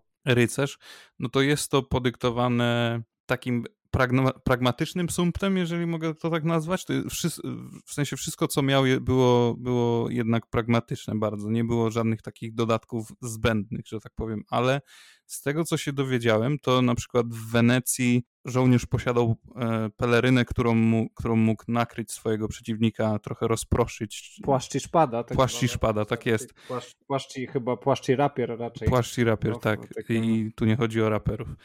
E, płaszcz i rapier. I jak często rycerze mieli tego typu gadżety? Coś dodatkowego, coś niestandardowego? Znaczy, w ogóle od tego, że jeżeli mówimy o tym momencie historii, kiedy używano płaszcza do nakrycia rapiera, szpady yy, przeciwnika, to bym powiedział, że to był już standardowy element wystroju kawalera, tak? Który nosił tą broń przy boku. Więc nie, nie szedłbym tutaj w jakąś niestandardową rzecz. Zresztą jakby to jest potwierdzenie w źródłach, że mamy źródła traktatowe. E, nie powiem teraz z głowy, bo akurat e, one są bardziej włoskie, no co zresztą wskazuje Wenecja. Nie pamiętam, czy w hiszpańskich e, też był płaszcz. Natomiast mamy źródła, gdzie są opisywane techniki, jak takiego płaszcza używać. Ja przyznam szczerze, nigdy się płaszczem nie bawiłem jeszcze. Aczkolwiek ostatnio rozmawiałem ze znajomym, który próbował i mówi, że głównym problemem e, współczesnym w rekonstrukcji takich technik jest to, że e, broń nie jest e, ostra. Okazuje się, że założenie było takie, że ta ostra broń powinna przebić płaszcz i przez to, że przybije płaszcz, powinna się tam na chwilę zaklinować. Ta chwila pozwala nam coś zrobić, wytrącić ją, zaatakować, podjąć po prostu jakieś działanie. Natomiast jak nie ma ostrej broni, to ta broń po prostu sobie zjeżdża po tym płaszczu i to nie działa tak, jak powinno. Dlatego kolega. No właśnie, to wtedy taki płaszcz jest nieprzydatny. Tak, dlatego tak? kolega mówił mi, że oni y, robili w ten sposób, że sami dziurawili ten płaszcz, licząc na to, że po prostu broń wpadnie w dziurę, która była wykonana wcześniej i wtedy technika, y, technika wyjdzie. To taki smaczek y, od znajomego, który mi to opowiadał, rekonstrukcyjny, jakie można na przykład napotkać praktyczne problemy w próbie odtworzenia takiej techniki. Ale czy faktycznie taki chybił trafił smakuje na tyle dobrze, żeby, żeby to powtarzać, żeby się, żeby, żeby to próbować, żeby, żeby to robić? Wiesz co, no... Ja, ja osobiście nie wiem, czy nie wolałbym po prostu robić już tego bez płaszcza. Kwestia gustu. Nie, nie, nie, będę tutaj oceniał, bo to wiesz, to też jest trochę tak, że y, wiele rzeczy, które my robimy, ma walor poznawczy. Po prostu, stricte poznawczy. Jest y, w jednym traktacie kilka technik na e, sierpy, tak? Y, ludzie się spierają, mhm. czy to było używane, czy nie było używane. Autor tego traktatu. Mówimy o takich sierpach do żniw, tak, do używanych tak, w trakcie żniw. Autor tego traktatu ma wątpliwą reputację co do informacji, które w nim e, przekazuje. Natomiast jest coś takiego. No i nie jest to powszechnie rekonstruowane. W mojej ocenie jest bardzo fajne, nawet jeśli jest wątpliwe. I jakby głównie zabawa z tym w większości wypadków polega na takim działaniu poznawczym, żeby po prostu zobaczyć, jak to wyglądało, że są takie działania, że coś takiego mogło być. Mhm. Niekoniecznie zaraz wszyscy zaczną chodzić z sierpami. Tak? Mam nadzieję. Chociaż e, kiedyś przeczytałem taki e, artykuł, w sensie to nie jest śmieszne, jakby. Znaczy, nie no, jeśli mam być szczery, to jest to śmieszne. Na pewno nie było to śmieszne dla osób, które uczestniczyły w zdarzeniu, ani rodzin tych, tych osób, ale przeczytałem kiedyś taki artykuł, nie wiem gdzie to się wydarzyło. Podejrzewam, że gdzieś w Europie, ale może jakiś e, amator europejskich sztuk walki w Stanach Zjednoczonych gdzieś tam się zaląkł w każdym razie ktoś w miejscu publicznym zaatakował e, przechodniów z użyciem ostrego, długiego miecza, e, będąc przebranym za niemieckiego Landsknechta. To takie wojska najemne niemieckie, chyba XVI-wieczne, Konrad? Tak, tak. Takie pumpiaste spodnie, e, wąsy, że tak powiem, pumpiaste kaftany, takie kolorowe, takie wiesz. To teraz ludzie normalnie tak chodzą. Tak, no tak, tak, tylko tamten poszedł, wiesz, jeszcze krok dalej. w kierunku autentyczności. No i, i chyba zaatakował i, i no pociął chyba trzy osoby, nie? Tym mieczem długim. ale, ale szanuję za, e, jakby to powiedzieć, za, za inwencję i za, no i za tą oryginalność, tak? Jednak, że wybrał taki, taki, taki motyw, no. Ale a propos tego płaszcza i, i, i, i wspomnianego rapiera i tych dziurek, mm, i tej niepraktyczności w, treni- w trenowaniu pewnych technik, to jest tego chyba trochę więcej. E, chociażby właśnie wspomniane wcześniej walki w pełnym opancerzeniu. Bo wiele z nich jest, e, mimo tego opancerzenia, wiele z tych technik zawartych w traktatach są wymierzone i za, za jakby, jakby to powiedzieć, napisane po to, by ten pancerz, e, że tak powiem, omijać, tak? Więc są bardzo niebezpieczne z tego względu. Ciężko chyba przed, jakby przećwiczyć te techniki na, na pełnym tempie, że tak powiem. Znaczy, ciężko jak ciężko. No, wiele rzeczy da się zrobić, bo wszelkiego rodzaju osadzenia pod pachę na przykład. Tutaj może kolejna dygresja, że w zasadzie zbroja ma kilka słabych punktów i to też mówimy o zbroi raczej wcześniejszej niż późniejszej. E, pod pachą jest takie miejsce, przez które można się przy odrobinie szczęścia przebić. E, takie miejsce jest e, powiedzmy na złączeniu piersi i barku, to ono było chronione przez takie tarczki opachowe, takie okrągłe rzeczy, które się tam y, przyczepiało, no ale przy odrobinie szczęścia można było we wcześniejszych zbrojach pod taką taczkę, tarczkę opachową wejść. Niechłoniony, niechroniona jest wewnętrzna część dłoni i to jest technika, która często działa i świetnie działa, mianowicie po prostu y, staramy się zaatakować dłoń od wewnętrznej części.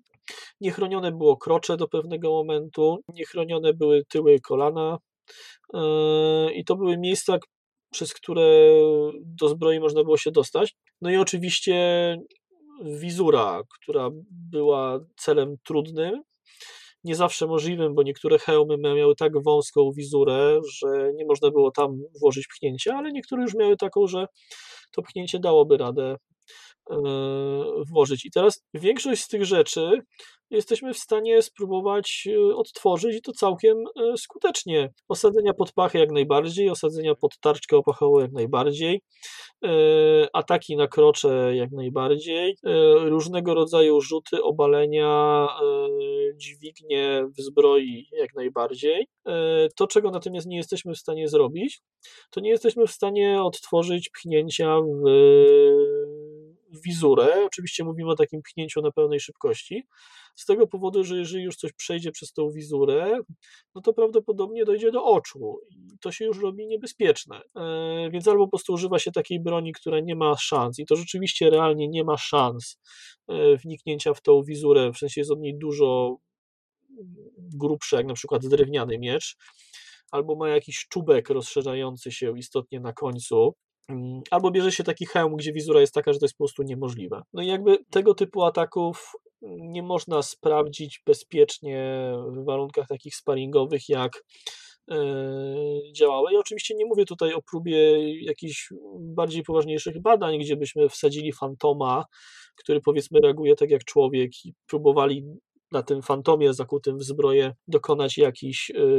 działań, no bo to jest zupełnie zupełnie inna kwestia. Do pewnego stopnia jesteśmy w stanie odtworzyć mordszlagi, czyli tak zwane mordercze uderzenia, czyli mm, coś takiego, co polegało na tym, że braliśmy miecz dwiema rękami, y, chwytaliśmy w środku ostrza, po czym uderzaliśmy głowicą, to jest ta kulka na końcu, y, y, znaczy kulka, to, to jest to, co jest na końcu, bo to czasem jest przypomina talar, czasem coś innego, czasem kulkę.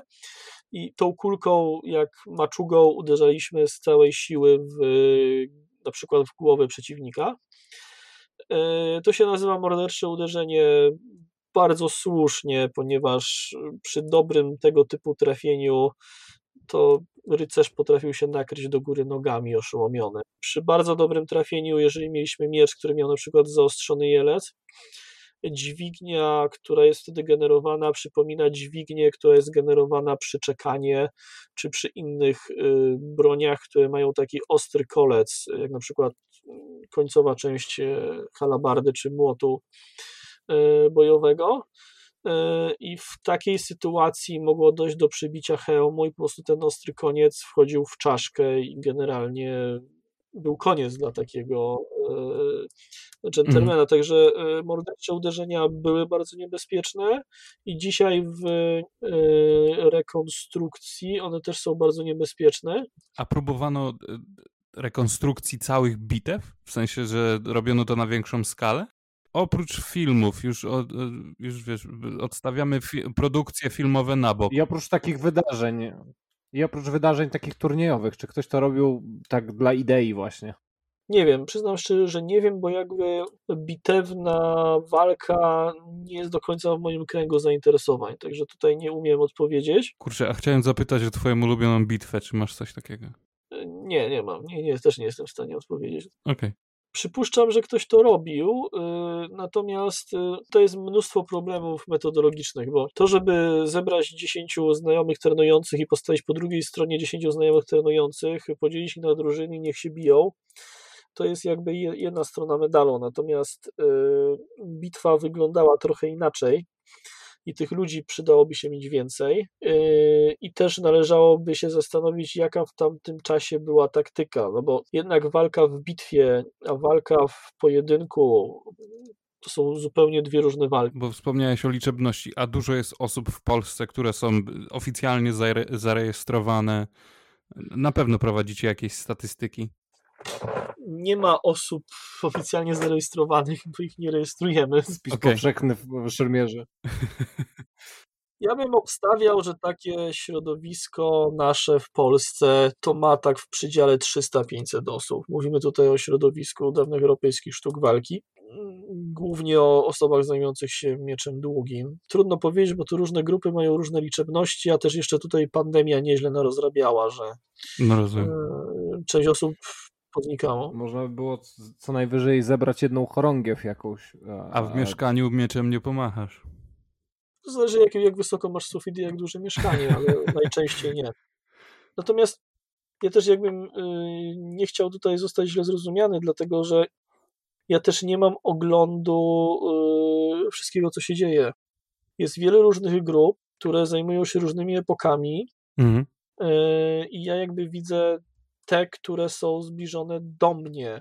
I mogę na przykład zupełnie nie wiedzieć o jakichś grupach e, szpady dworskiej, e, które ćwiczą sobie w zaciszu jakiegoś mniejszego lub większego miasta. Po prostu jakoś nasze drogi się e, nie przecięły, także realnie tych ludzi może być dużo więcej, dlatego powiedziałem, że jeśli chodzi o osoby zajmujące się długim mieczem, to wydaje mi się, że to można szacować tak na 300-500 osób, bo akurat to środowisko mam dosyć dobrze obejrzane.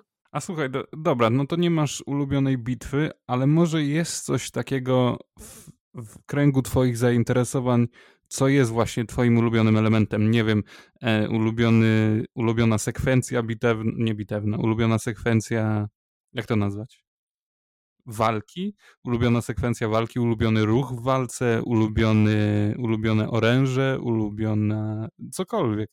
Wiesz Może co, jest jakaś ciekawostka? Mm, raczej można powiedzieć, że ulubione oręże, tak? Y, ja zaczynałem od miecza długiego i rzeczywiście ten miecz długi jest y, mi zdecydowanie najbliższy. Z tego też powodu, że mam wrażenie, że system walki mieczem długim jest y, z tego przynajmniej co ja robię, zdecydowanie najbardziej rozbudowany. Okej. Okay. Ile by trwało, gdyby taki laik jak ja wszedł do ciebie E, na, na trening przyszedł i powiedział, że chce tak operować mieczem jak no to ja mówię, że wyszkolenie szermierza przy zajęciach dwa razy w tygodniu e, zajmuje mniej więcej 3 lata, tak żeby to zrobić dobrze. Bo po pierwszym okay. roku masz podstawy, po drugim roku jakby rozbudowujesz te podstawy, zaczynasz kompletować sprzęt, zaczynasz walczyć, więc dochodzą ci rzeczy, których na pierwszym roku nie mogłeś mieć, bo na przykład nie miałeś sprzętu kupionego. Po drugim roku, powiedzmy, znasz już sporo technik, rozwinięcia tych technik, już zaczyna ci się kształtować jakiś własny styl. No i przez trzeci rok y, to jest już taka bardziej nauka walki właśnie w ćwiczeniach w sprzęcie, czyli bardziej dynamicznych, na większej mhm. szybkości, więcej sparingów, czyli tak naprawdę udoskonalanie tego, co nauczyłeś się przez pierwsze dwa lata, plus jakieś tam nowe e, elementy. No i według mojej opinii, to tak, żeby przygotować szermierza, żeby mniej więcej dobrze ogarniał o co chodzi, no to zajmuje to 3 lata. Czy y, kwestia, kwestie fizyczne też są ważne? To znaczy, rozmawialiśmy już o tym, że podpowiadasz ludziom, aby zajęli się swoją fizyką i tam chodzili na ogólnorozwojowe jakieś zajęcia, ale nie wiem, przychodzi do ciebie na, na trening chłopak, który nie wiem, waży 40 kilo i chciałby operować właśnie mieczem długim. Czy to przejdzie, czy, czy, czy, czy jednak radzisz mu, żeby złapał coś Nie, przejdzie jak najbardziej, dlatego że miecz y, długi wcale nie jest taki ciężki, on waży plus minus powiedzmy półtora kilo tak średnio, a tak w przedziale to 1200 do 1800 gram i taka była ich historyczna waga. Mhm. Pozwolę sobie tutaj obalić y, jeden z mitów. Miecze nie ważyły po 20-30 kilo. Y, to jest y, tak, jest, jest taki, taki znaczy badanie w ogóle, skąd to się wzięło, jest dosyć yy, ciekawą, ciekawą rzeczą, jest sporo hipotez, natomiast jest taki mit, że walka, znaczy waga mieczy była bardzo duża, ona bardzo duża nie była. Pomijając już wszystkie argumenty, to najracjonalniejszym argumentem jest to, że gdyby ona rzeczywiście była bardzo duża, to ludzie by po prostu mieli bardzo szybko zużyte stawy. Przeciążenia, które by wchodziły e, na broni, która by ważyła, nie wiem, 10 kilo ileś, no po prostu są niszczące dla ciała, tak? Zdecydowanie niszczące dla ciała przy takiej motoryce, jaką ma miecz. Zresztą jak ktoś nie wierzy, to niech sobie weźmie gryf od sztangi i nim spróbuje pomachać, tak? Oczywiście jak ktoś może powiedzieć, że gryf od sztangi jest niewyważony, ja się z tym zgadzam, to niech weźmie o połowę lżejszy, czy nie wiem, na przykład 10-kilowy i, i tak spróbuje nim y, pomachać. No to po prostu nie idzie. Natomiast y, okay. wracając do tego, o co pytałeś, tak, 40-kilowa y, osoba jak najbardziej może ćwiczyć i może być bardzo dobra, natomiast predyspozycje fizyczne mają znaczenie przynajmniej w dwóch aspektach. E, pierwszy aspekt jest taki, że e, wypracowuje sobie człowiek e, styl własny działania. Wiadomo, że jeżeli ktoś jest duży i ociężały, to raczej będzie walczył silniej, mhm. a jeżeli ktoś jest mniejszy i szybki, to raczej będzie walczył szybciej. Po prostu mhm. trzeba to sobie tak wyrobić. Drugi aspekt jest taki, że niestety czasami mm, predyspozycje dzieją na naszą korzyść lub niekorzyść. Tak? W przypadku na takim, że mamy kogoś wyższego, no to ktoś istotnie wyższy od nas będzie miał istotnie dłuższe ręce, e, co sprowadza się do tego, że e, ja będę w jego zasięgu broni, zanim on będzie w zasięgu mojej broni. Znowu, jest to jakby wynika z pierwszego aspektu i jest to rzecz do wypracowania, natomiast gdzieś to z tyłu głowy trzeba mieć, tak? Tak samo, jeżeli na przykład mm, mamy jakąś sytuację, że możemy przeciwnika rozbroić albo obalić, no to trzeba być naprawdę sprawnym technicznie i trafić na kogoś, kto sprawny technicznie nie jest, żeby przynajmniej niektórymi technikami e, spróbować obalić kogoś, kto jest 3 czy 4 razy cięższy e, od nas. Okay. Oczywiście, jeżeli się to zrobi w tempie, on się nie będzie spodziewał i tak dalej, no to, to, to ma szansę wyjścia, tak? Natomiast w, w, pewnym momencie kwestie fizyczne y, zaczynają działać na naszą niekorzyść, a na korzyść e, przeciwnika lub na odwrót. Ja bym tutaj też jeszcze bardziej y, zastanawiał się nad tym, w jakim stanie ktoś przychodzi mhm. bo przychodzą ludzie, którzy rzeczywiście coś robią dla swojego ciała, biegają, chodzą na siłownię, są młodzi, piękni, silni, atrakcyjni, sprawni, a czasem przychodzą ludzie, których główna aktywność i pokonywanie kilometrów miało miejsce w Wiedźminie, albo w Skyrimie, albo w jakimś innym e, tego typu miejscu geograficznym. E, no i tych ludzi zazwyczaj kosztuje więcej pracy, żeby, żeby coś osiągnąć. Natomiast nie jest to praca nie do zrobienia. Z wielu takich ludzi zrobiliśmy przez ostatnie lata bardzo przyzwoitych e, walczących. Rozumiem. A ile, ile z tych osób jest, e, są kobietami? No niestety jest to głównie męski sport. Przychodzą dziewczyny, Przychodzą dziewczyny, zazwyczaj przychodzi kilka, zostaje jedna w porywach do dwóch.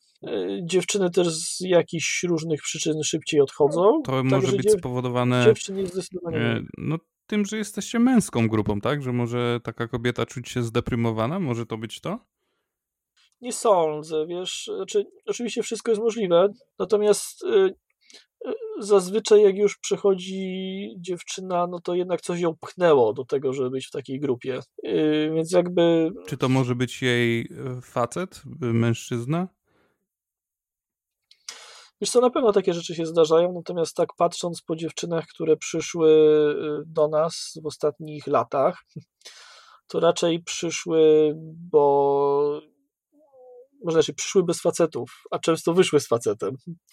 E, raczej to w tą stronę, raczej to w tą stronę szło. Wiesz co, ja myślę, że po prostu tutaj statystyka działa na e, na nie wiem jak to powiedzieć, nie na, na naszą niekorzyść? niekorzyść. Właśnie nie chcę powiedzieć, że na niekorzyść, tylko to jest tak, jeżeli mamy yy, większą grupę, no to z krzywej Gaussa wynika nam, że większa część populacji będzie miała jakąś cechę. Mhm. Więc jeżeli mężczyzn jest istotnie więcej, jest ich istotnie więcej, yy, bo powiedzmy kobiet to jest tak od 5 do 7%, yy, tak patrząc bardzo na oko, no to jest też y, większa szansa, że ktoś zostanie na dłużej. Jeżeli dziewczyn jest istotnie mniej, to wylosowanie tej, która zostanie na najdłużej, y, jest y, trudniejsze. Natomiast gdyby to policzyć statystycznie, nie, nie, nie robiłem tego, bo za mała próba, to mogłoby się okazać, że odsetek odpadnięć uśredniony dziewczyn i mężczyzn jest w zasadzie taki sam, mhm. tylko po prostu u dziewczyn jest on bardziej widoczny, bo jest ich liczebnie mniej i jest rozłożony okay. dłużej w czasie. Tak? No dobrze, no to ja mam nadzieję, że, że tych kobiet y, będzie coraz więcej do was przychodzić. Może jakaś, y, jakaś kobieta przesłucha ten wywiad i stwierdzi, że a, jest to coś interesującego i może warto by było poświęcić swój czas, a może nie tyle co poświęcić, a zainwestować. Na pewno y, tak i serdecznie zapraszamy pytanie zadam ci takie, które e, no, jest już pod, pod powierzchnią chyba od samego początku e, rozmowy i wiedzieliśmy, po, że... No od początku już. Tak, wiedzieliśmy, że już, już chyba nawet kilka razy go liznęliśmy e, mniej czy więcej i wiedzieliśmy, że na pewno do, dotrzemy do tego momentu, gdzie no, nie będzie można dłużej przed nim uciekać, czyli Hollywood rekonstrukcje walk w filmach, ale nie tylko, może i w grach, e, może nawet w książkach e, na kartach powieści. E, jaki, jaki masz stosunek? Czy jesteś w stanie cieszyć się z filmu um, historycznego, bądź może nie tyle co historycznego, ale osadzonego w jakichś realiach e, średniowiecznych chociażby, e, cieszyć się z niego tak samo jak wtedy, kiedy jeszcze nie znałeś tajników, arkanów, e, sztuk walki historycznych? Znaczy zdecydowanie nie. Odkąd zacząłem znać tajniki sztuk e, e, walki, arkanów historycznych, sceny walki w zasadzie we wszystkich filmach, jakie widzę, zaczęły mnie irytować i zacząłem je po prostu przewijać. Kiedy wcześniejszy mój epizod życiowy był taki, że z wypiekami na twarzy, jarając się jak pochodnia, oglądałem, co tam się e, dzieje. Znaczy, y, przechodząc jakby do setna, to niestety walka sceniczna, walka filmowa, walka na śmierć i życie są rozłączne u podstawy. Mhm. Y, dlatego, że chodzi o coś innego. Mi na przykład chodzi o to, żeby ruchy były jak najszybsze, jak najkrótsze, y, bo dla mnie jest to bezpieczne. E, z tego, co mi tłumaczyli ludzie, którzy zajmują się taką walką sceniczną, no to tam wręcz na odwrót. Tam ruch musi być widoczny, żeby widz go zobaczył, bo jakieś takie małe zawinięcie, które będzie efektywne i śmiertelne, e, nie będzie efektowne i nie będzie widoczne dla e, odbiorcy tego, tego działania. Niestety zazwyczaj się to rozjeżdża. Jest mnóstwo głupot. Y, te walki trwają mega długo. Znaczy to, że jeszcze walki trwają mega długo, to powiedzmy jest mniejszy problem. Większy problem jest taki, że starcia trwają mega długo. W sensie takie poszczególne wymiany. W zasadzie jakkolwiek kto dobry by nie był, to zazwyczaj jest tak, że jest 4, 5, 6 szybkich jakichś działań w w zasadzie ułamkach sekund jest albo trafienie, albo rozejście. To w niczym nie przypomina walki w filmie, gdzie dwóch bohaterów potrafi przejść cały zamek od bramy po szczyt wieży i, i, i dalej walczyć i żyć, tak? To jest jakby jedna, jeden aspekt. Drugi aspekt jest taki, że ja uważam, że wiele rzeczy dałoby się pogodzić nawet z tymi przerysowanymi ruchami, bo kamera jest w stanie dużo zrobić. Yy, trochę nie ma woli, bo skoro to się sprzedaje, to po co to komplikować? Po co jakby pokazywać działania, spraszać ekspertów od walki historycznej, żeby Ale pokazali, zau... jak to zrobić. No. Ale czy na pewno tak jest? Bo ja na przykład zauważyłem tendencję, że e, choreografie e, tych przynajmniej najnowszych filmów i w, ogóle, i w ogóle motywy na przykład filmów tych historycznych idą w kierunku może realizmu i właśnie wychodzi taki, tak jak to wcześniej powiedziałeś, taki niezgrabny potworek z tego, bo ta chęć inscenizacji takiej realistycznej e, w połączeniu z brakiem ekspertów i brakiem tej, e, tej, tej pomocy, no jakby kończy się w efekcie takim czymś, czymś pomiędzy.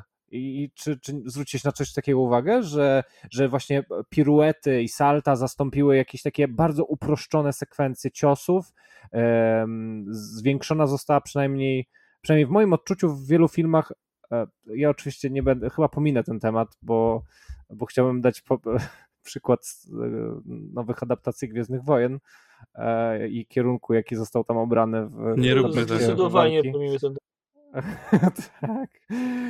Ale nie tylko, nie tylko, bo w, w, innych filmach również zauważyłem, że ta waga broni się zwiększyła. Ja to tak nazywam, że, te, że te ruchy. Ja, ja mogę się pod tym podpisać, że y, zauważyłem pewną tendencję, że stawia się raczej na efektywność, a nie na efektowność. Tak, tak, że skróciły się te, y, tak, te, te, te sceny. Chociażby że... mam, mam w głowie sekwencję z, z Wiedźmina wchodzimy tak naprawdę w grząskie bagno, tak? Mhm. Bo... Wejdźmy w nie, po pas, a nawet po szyję. Pas, zagrzebmy się nim, po, potytłajmy. Tego nie można oceniać i tego nie da się ocenić e, jednym, jednym zdaniem, bo mhm. po pierwsze mamy różne dzieła, tak? Mi chodzi po głowie taki film sprzed paru lat, Ironclad, gdzie w końcowej walce rycerz e, wykorzystywał techniki półmieczowe i te momenty, w których on wykorzystywał te techniki półmieczowe, co prawda przeciwko toporowi dwuręcznemu, ale no te parę zwarć jakby mnie nie raziło, tak? Mhm. E, e, co innego cała reszta.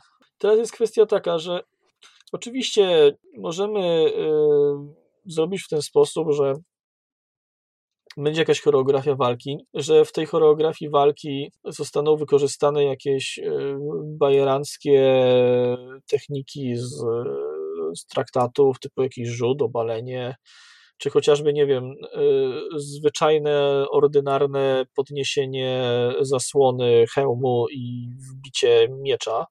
Tak, mhm. E, bo była taka technika, która po prostu polegała na tym, że jeżeli jesteś na tyle blisko przeciwnika, a on ma zasłoniętą twarz, to mu tą zasłonę podnieść i po prostu wsać swoją broń pod spód. Nie będzie to chronione. Jak najbardziej coś takiego można e, zrobić. Będzie to taki fajny smaczek, będzie to fajnie wyglądało. No i trochę co z tego, jeżeli się znów spojrzy na to bardziej e, okiem znawcy, to wcześniej mieliśmy dwóch gości w zbrojach, którzy prali się mieczami, e, lała się krew, e, kiedy no, powszechnie jest wiadomo, że cięcie stalą po stali stali nie przecina, no to każdy może sobie sprawdzić w domu tno z nożem po patelni.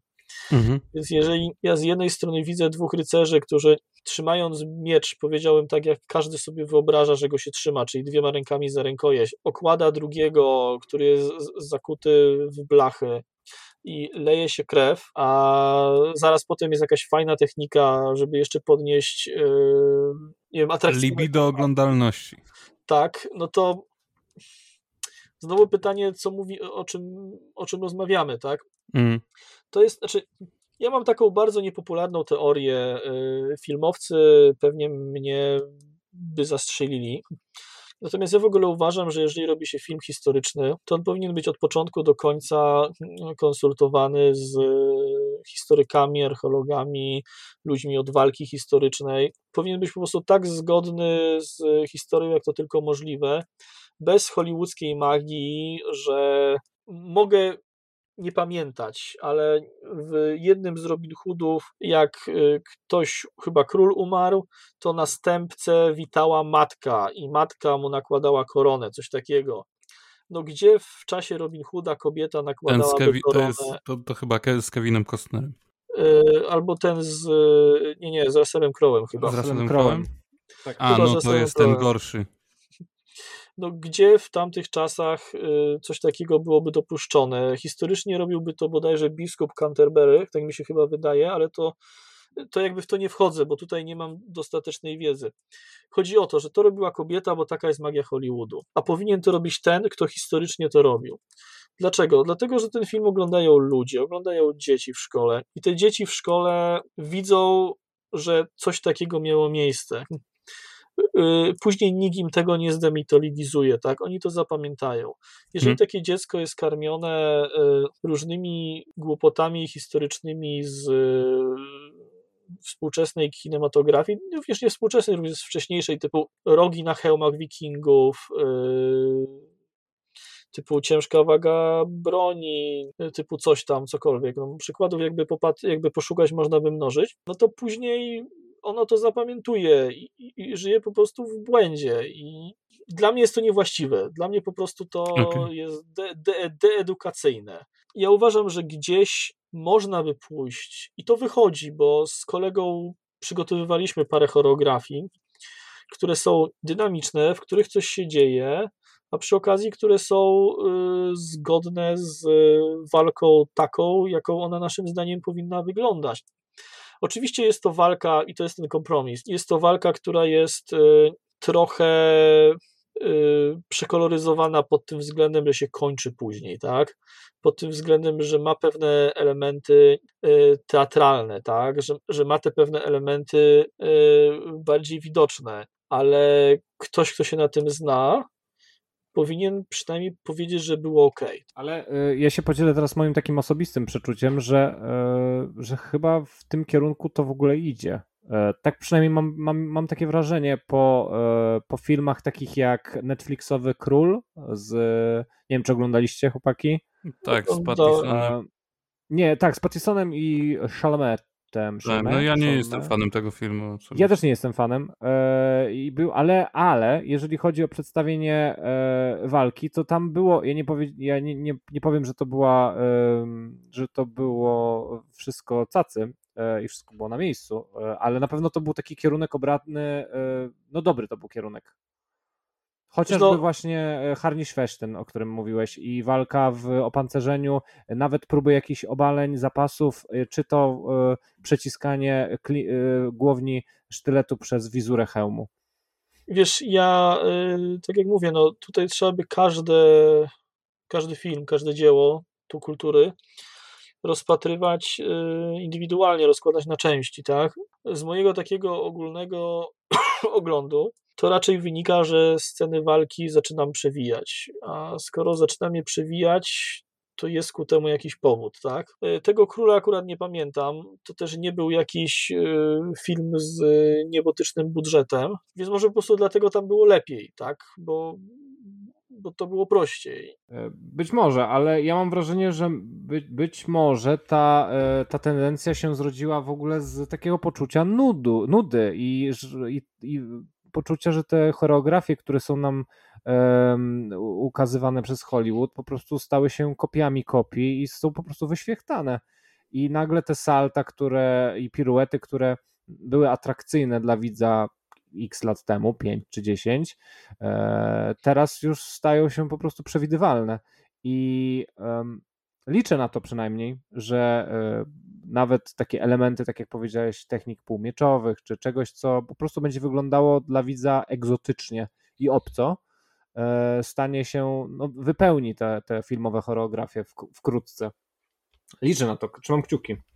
No wiesz co, ja też na to liczę, tylko hmm, ja bym powiedział, że przynajmniej na razie to jest moja stricte subiektywna ocena. Yy, Będzie tak samo różnie jak było, tak? Za duża jest chęć takiego yy, kombinowania w tej warstwie e, historycznej, która niekoniecznie wynika ze złej woli, czasem po prostu wynika z e, niewiedzy albo z braku pieniędzy na zatrudnienie odpowiednich konsultantów. Natomiast no, mogło być zdecydowanie lepiej. Tak? Ja raczej póki co mam negatywny stosunek, bo y, włożenie dwóch czy trzech technik, y, kiedy cała reszta kuleje, no wiosny nie czyni, tak? Ty, Konradzie, dzielisz y, pewne hobby z naszym poprzednim gościem, e, pierwszym w zasadzie gościem, czyli Abelardem, ponieważ e, grasz w RPG, w sensie gry fabularne, e, również je prowadzisz. Prawdopodobnie e, te RPG, te systemy są zarówno fantazy, jak i, jak i sci-fi, jeżeli właśnie tak e, migrujesz z, jednej, e, z jednego świata, z jednych światów do drugich. Ale powiedz mi, czy łączysz to ze swoją ekspertyzą właśnie realiów sztuk walki? To znaczy wprowadzasz jakieś tam swoje smaczki do, e, do gry, kiedy prowadzisz e, rozgrywkę, nie pozwalasz na pewne fantazje graczom i starasz się to wszystko tak, jakby to powiedzieć, no urealistycznić? Znaczy, staram się, raczej staramy się w ekipie zrobić coś, co bym nazwał racjonalnym realizmem.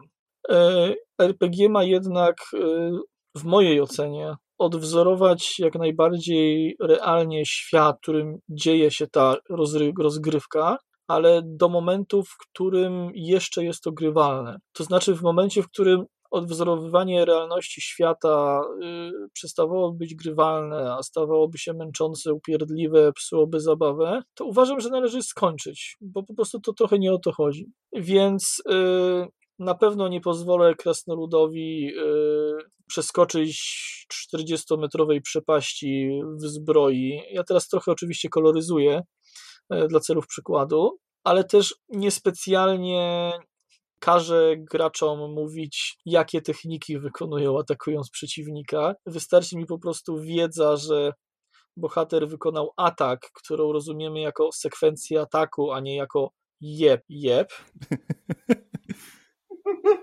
ponieważ jest dobrym walczącym, to ta sekwencja ataku miała sens i była zgodna z kunsztem. Jeżeli mu wyszła, przeciwnikowi nie wyszła obrona, no to trafił obaj wiedzieli, co robią, tak? Jeśli chodzi o ekspertyzę, yy, takie mam podejście. Natomiast jeśli mogę, jeśli ma to sens i służy opowieści, to wtrącam różne smaczki yy, z kolegami, którzy zajmują się walką w zbroi z rekonstruktorami na przykład rozmawiałem, jak to jest z spaniem w zbroi, bo interesowało mnie taki case, że bohaterowie wiedzą, że coś będzie niebezpiecznego, tak, podejrzewają, no bo są w okolicy, gdzie nie wiem, grasują orki, zwierzę ludzie, czy jakieś inne dyrdymały i deklarują mi, że oni nie zdejmują zbroi, że oni śpią i mówią, że są wypoczęci, bo spali. No to interesowało mnie na przykład rzeczywiście, jak to jest z tym spaniem w zbroi. No ja doświadczenia nie mam, pytałem ludzi, którzy mają doświadczenie. Dowiedziałem się paru ciekawych rzeczy. Nie jest to chyba najwygodniejsza piżama. Nie jest, ale jest możliwa do spania. Na przykład można spać, ale tylko na plecach. E, w każdej innej pozycji nie jesteś w stanie, nie jesteś w stanie się yy, ułożyć. I to nie jest tak, że wiesz, yy, w pełni wyśpiesz, wypoczniesz. Raczej przyrównałbym to trochę do takiego, wiesz, kimania w stanie czuwania w pociągu na przykład, jak cię sen złoży, tak? Ale rzeczywiście mózg ci się trochę zresetuje, wstaniesz, będziesz w miarę ogarnięty i wypoczęty dnia następnego. Więc takie smaczki jeśli znajdę, to tak, staram się, staram się wplatać, ale wszystko w granicach tego, żeby to nie zaczęło psuć e, zabawy nadmierną szczegółowością. Bardzo Ci, Konradzie, dziękujemy za rozmowę, bo już dobiegła końca zdecydowanie. E, Jasne. Czasowo wyszło, wyszło pięknie, e, chociaż jest jeszcze kilka pewnie tematów, których nie, nie poruszyliśmy i kilka pytań, które jeszcze pozostały bez odpowiedzi, ale być może jakiś sequel się kiedyś w przyszłości wydarzy. To ja cieszę się bardzo. Y, też Wam dziękuję za rozmowę. W dzisiejszym podcaście to już wszystko.